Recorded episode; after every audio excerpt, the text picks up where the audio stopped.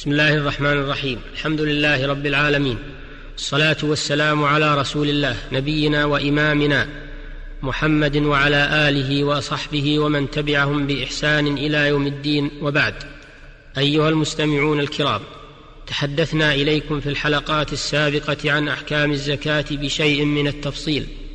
وفي هذه الحلقة يناسب الحديث عن إخراج الزكاة. وبيان مستحقيها الذين يجب دفعها إليهم لأن من أهم أحكام الزكاة معرفة مصرفها الشرعي لتكون واقعة موقعها واصله إلى مستحقها حتى تبرأ بذلك ذمة الدافع. فاعلم أيها المسلم أنه تجب المبادرة بإخراج الزكاة فور وجوبها في المال لقوله تعالى وآتوا الزكاة والأمر المطلق يقتضي الفورية. وعن عائشة رضي الله عنها أن النبي صلى الله عليه وسلم قال ما خالطت الزكاة مالا إلا أهلكته ولأن حاجة الفقير تستدعي المبادرة بدفعها إليه وفي تأخيرها إضرار به ولأن من وجبت عليه عرضة لحلول العوائق الطارئة كالإفلاس والموت وذلك يؤدي إلى بقائها في ذمته ولأن بالمبادرة إلى إخراجها بعدا عن الشح واخلاصا وتخليصا للذمة وفيه مرضاة للرب سبحانه وتعالى. فلهذه المعاني تجب المبادرة بإخراج الزكاة وعدم تأخيرها إلا لضرورة كما لو أخرها ليدفعها إلى من هو أشد حاجة. أو لغيبة المال ونحو ذلك. وتجب الزكاة في مال صبي ومال مجنون لعموم الأدلة ويتولى إخراجها عنهما وليهما في المال لأن ذلك حق وجب عليهما تدخله النيابة. ولا يجوز إخراج الزكاة إلا بنية لقوله صلى الله عليه وسلم إنما الأعمال بالنيات وإخراج الزكاة عمل. والأفضل أن يتولى صاحب المال توزيع زكاة ماله ليكون على يقين من وصولها إلى مستحقها وله أن يوكل من يخرجها عنه. وإن طلبها إمام المسلمين دفعها إليه وله أن يدفعها إلى الساعي وهو العامل الذي يرسله الإمام لجباية الزكوات. ويستحب عند دفع الزكاة أن يدعو الدافع والآخذ. فيقول الدافع اللهم اجعلها مغنما ولا تجعلها مغرما ويقول الآخذ آجرك الله فيما أعطيت وبارك لك فيما أبقيت وجعله لك طهورا. قال الله تعالى خذ من أموالهم صدقة تطهرهم وتزكيهم بها وصل عليهم اي ادع لهم. قال عبد الله بن أبي أوفى كان رسول الله صلى الله عليه وسلم إذا أتاه قوم بصدقتهم قال اللهم صل عليهم متفق عليه. ويقول آخذ الزكاة آجرك الله فيما أعطيت وبارك لك فيما أبقيت وجعله لك طهورا.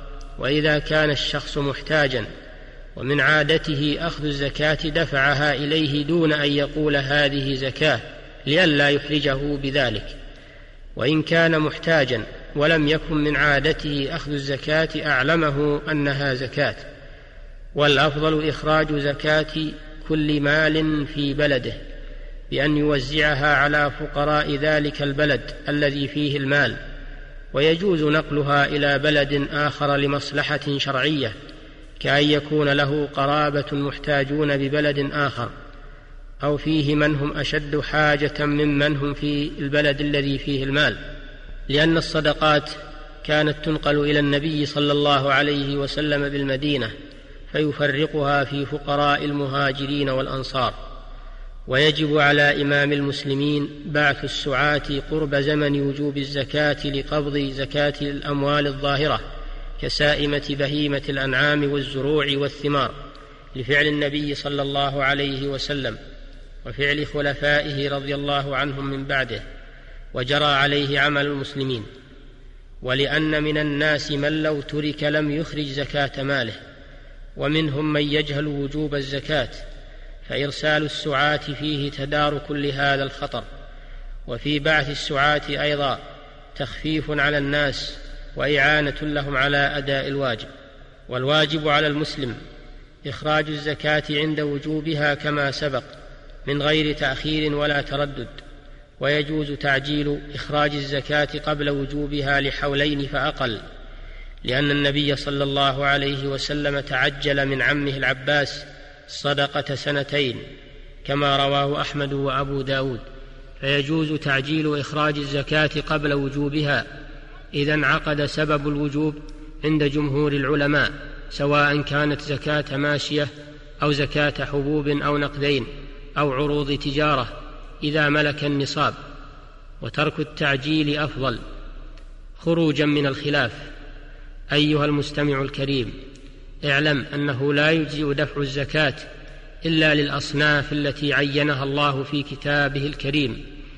قال الله تعالى إنما الصدقات للفقراء والمساكين والعاملين عليها والمؤلفة قلوبهم وفي الرقاب والغارمين وفي سبيل الله وابن السبيل. فريضة من الله والله عليم حكيم. فهؤلاء المذكورون في هذه الآية الكريمة هم أهل الزكاة الذين جعلهم الله محلا لدفعها إليهم. لا يجوز صرف شيء منها إلى غيرهم اجماعا. وأخرج أبو داود وغيره عن زياد ابن الحارث مرفوعا إن الله لم يرض بحكم نبي ولا غيره في الصدقات حتى حكم فيها هو فجزأها ثمانية أجزاء.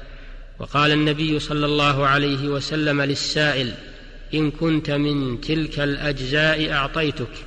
وذلك أنه لما اعترض بعض المنافقين على النبي صلى الله عليه وسلم في الصدقات بين الله تعالى أنه هو الذي قسمها وبين حكمها وتولى أمرها بنفسه ولم يكل قسمتها إلى أحد غيره.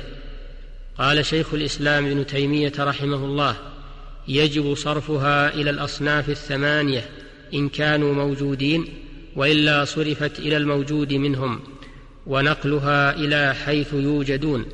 وقال لا ينبغي أن يعطى منها إلا من يستعين بها على طاعة الله فإن الله فرضها معونة على طاعته لمن يحتاج إليها من المؤمنين أو من يعاونهم. فمن لا يصلي من أهل الحاجات لا يعطى منها حتى يتوب ويلتزم أداء الصلاة انتهى. ولا يجوز صرف الزكاة في غير هذه المصارف التي عينها الله. فلا تصرف في المشاريع الخيرية الأخرى كبناء المساجد والمدارس. لقوله تعالى إنما الصدقات للفقراء والمساكين.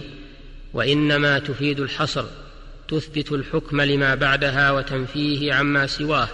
والمعنى ليست الصدقات لغير هؤلاء بل لهؤلاء خاصة. وهذه الأصناف تنقسم إلى قسمين. القسم الأول المحاويج من المسلمين. القسم الثاني من في إعطائهم معونة على الإسلام وتقوية له. وإلى الحلقة القادمة بإذن الله نبين إن شاء الله تلك الأصناف مفصلة وفق الله الجميع لما يحبه ويرضاه. السلام عليكم ورحمة الله وبركاته. الحمد لله رب العالمين. صلى الله وسلم على نبينا محمد وآله وصحبه.